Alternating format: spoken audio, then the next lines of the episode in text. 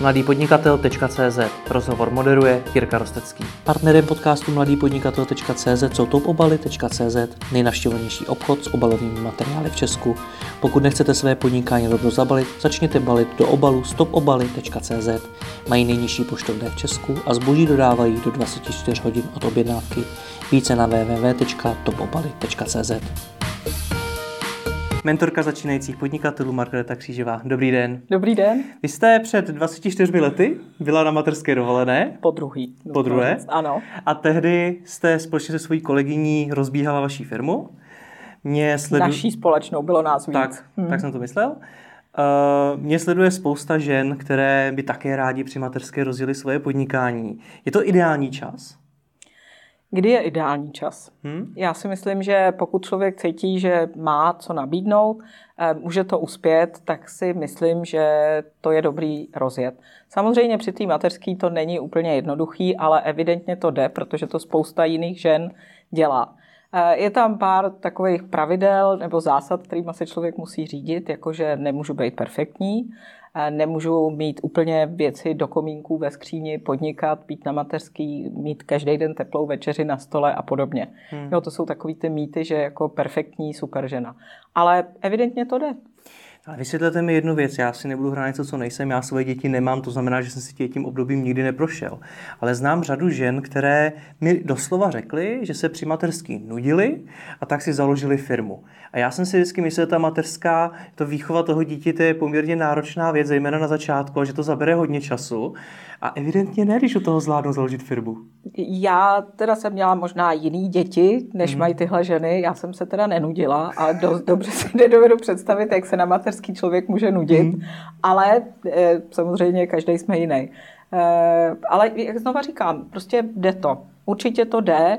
Eh, je to určitě o dobré organizaci, je to o tom říct si na rovinu s manželem nebo partnerem, jak to bude vypadat a že do toho jdete protože samozřejmě to obnáší určitý kompromisy, ústupky a e, asi není ideální, když se manžel nebo partner dozví náhodou, že taky podnikáte. Mm-hmm. E, takže jako nějakých pár zásad, které v podstatě se řídí selským rozumem, ale nic není nemožné. Jak si to tady nastavit? Protože já předpokládám, že zejména při té materský si to nelze plánovat úplně přesně na hodinu dopředu, protože tomu dítěti se prostě najednou může něco stát a musíte se mu věnovat a podobně. Eh, víte, já si pamatuju, že já jsem teda byla na mateřský, aby jsme to upřesnili na té druhé asi jeden a půl měsíce. Eh, takže jako jsem poměrně rychle eh, se vrátila zpátky do práce, ale měla jsem velkou výhodu, že prostě jsme si to mohli zařídit tak, že jsem pracovala z domova, chodila jsem do kanceláře ne každý den od 9 do 5, ale pamatuju si, že půl, eh, prvního půl roku to bylo velmi jednoduchý, protože to dítě je tam, kam ho dáte, nikam neodejde, hodně spí, takže to bylo jednoduchý. V momentě, kdy to dítě začne chodit a začne prostě, musíte s ním chodit jako ven a, a na procházky, což musíte, i když je malinký. Prostě je to každá ta fáze toho mateřství nebo té mateřské dovolený je trochu jiná a jinak náročná. Hmm. Ale je to prostě o organizaci práce a e, taky o nějaký reální představě, co můžete stihnout. Asi těžko můžete začít něco, přičem se musíte setkat s, s pěti lidma denně. Hmm. To si nedovedu představit. E, takže prostě být realista a, a taky myslím si, že ty biznisy, které spouštějí maminky na mateřský, jsou ve většině případů e-shopy, který můžou dělat třeba v noci nebo po večerech, nebo když to dítě spí třeba hodinu, dvě přes den. Takže vybrat si prostě biznis, který jde skloubit. Hmm. Vzpomenete si na nějaké svoje postupy, které vám fungovaly? Jak vy jste si to tehdy nastavila z hlediska právě toho času a organizace práce? Eh, já jsem eh, hodně pracovala na počítači. V podstatě dělali jsme analýzy biznisové, dělali jsme Eh, nějaký komentáře business plánu a podobně. Čili, že to byly věci, které jsem nemusela udělat přesně ve středu v půl druhý, ale mohla jsem je prostě udělat tehdy, když jsem měla čas, kdy, kdy to prostě šlo skloubit s tím rodinným chodem nebo s chodem domácnosti. Eh, já, si, já jsem poměrně dobrý organizátor svého času a myslím si, že na tom to stálo a stojí jako do dneška. Takže prostě zorganizovat si to tak, abych věděla, co ten den musím udělat, kdy to musím odeslat nebo dodat, je strašně důležitý hlídat si deadliny, nejenom na mateřský, ale kdykoliv jindy. Ale myslím si, že ten time management, prostě organizace, a určitá efektivita toho, že prostě udělám to, co mám a pošlu to nebo dodám to tehdy, kdy mám, je strašně důležitá. Jak si to vy konkrétně organizujete? Jste papírový typ nebo jedete aplikace? Jak to máte? Nejedu aplikace.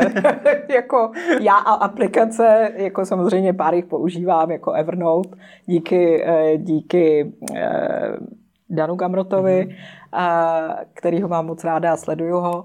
Nicméně já jsem papírový typ. Já jsem prostě stará škola, mám, miluju svoje notesy, miluju svoje diáře a miluju svoje to-do listy. Mm-hmm. Jediná moje nevýhoda je, že ty to-do listy si píšu neustále pořád a kamkoliv. Takže máme v kuchyni to-do listy, máme v koupelně to-do listy, dokonce i na záchodě máme tušku a papír, eh, ale prostě pak jako ty to-do listy dát všechny dohromady, tak eh, někdy se mi to povede, většinou se mi to povede a, a večer si to třeba očkrtám.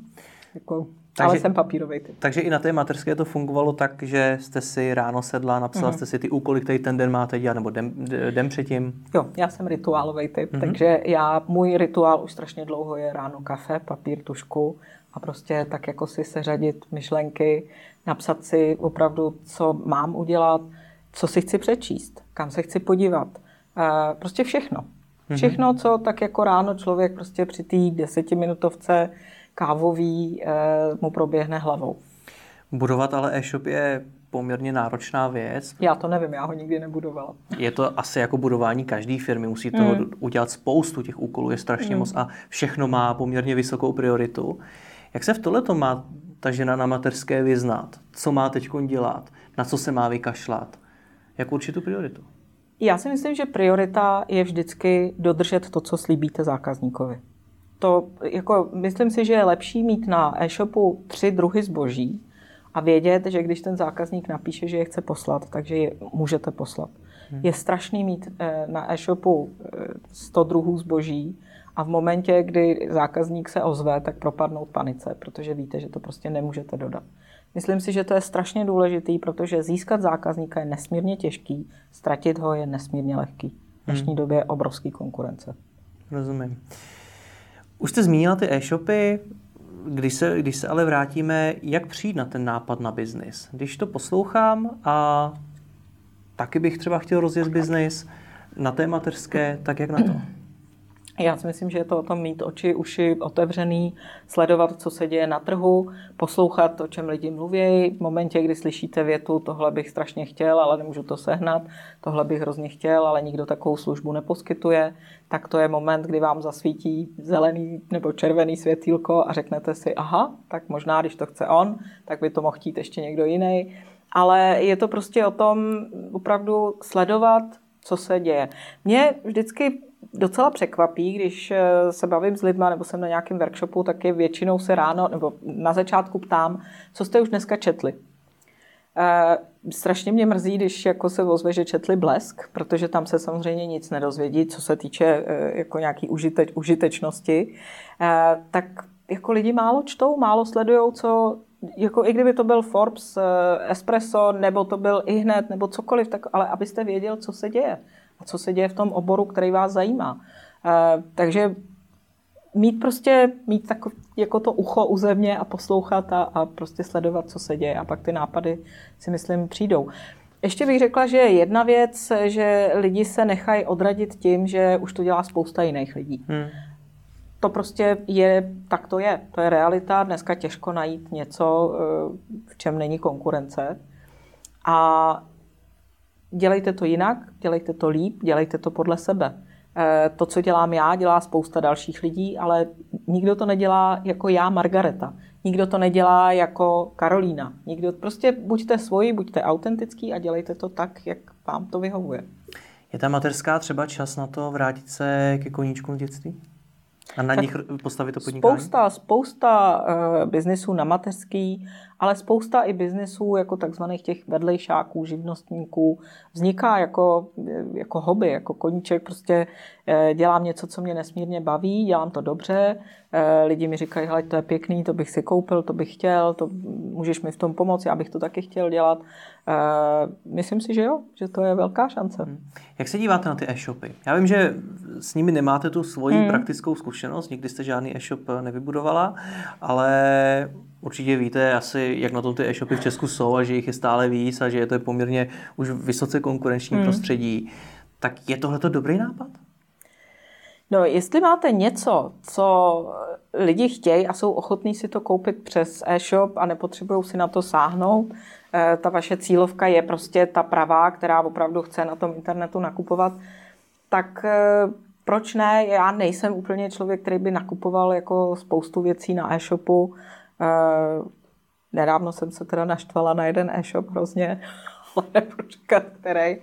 Ale asi knížky třeba si kupuju na e-shopu ale jo, jako je, to, je to prostě něco, co na trhu je, je to trend, je to, nevím, co bych, jako nejsem odborník na e-shopy, takže vím, že jsou, nějak zásadně je nepoužívám, ale je to určitě druh biznesu, který může být jako bezvadný. Hmm.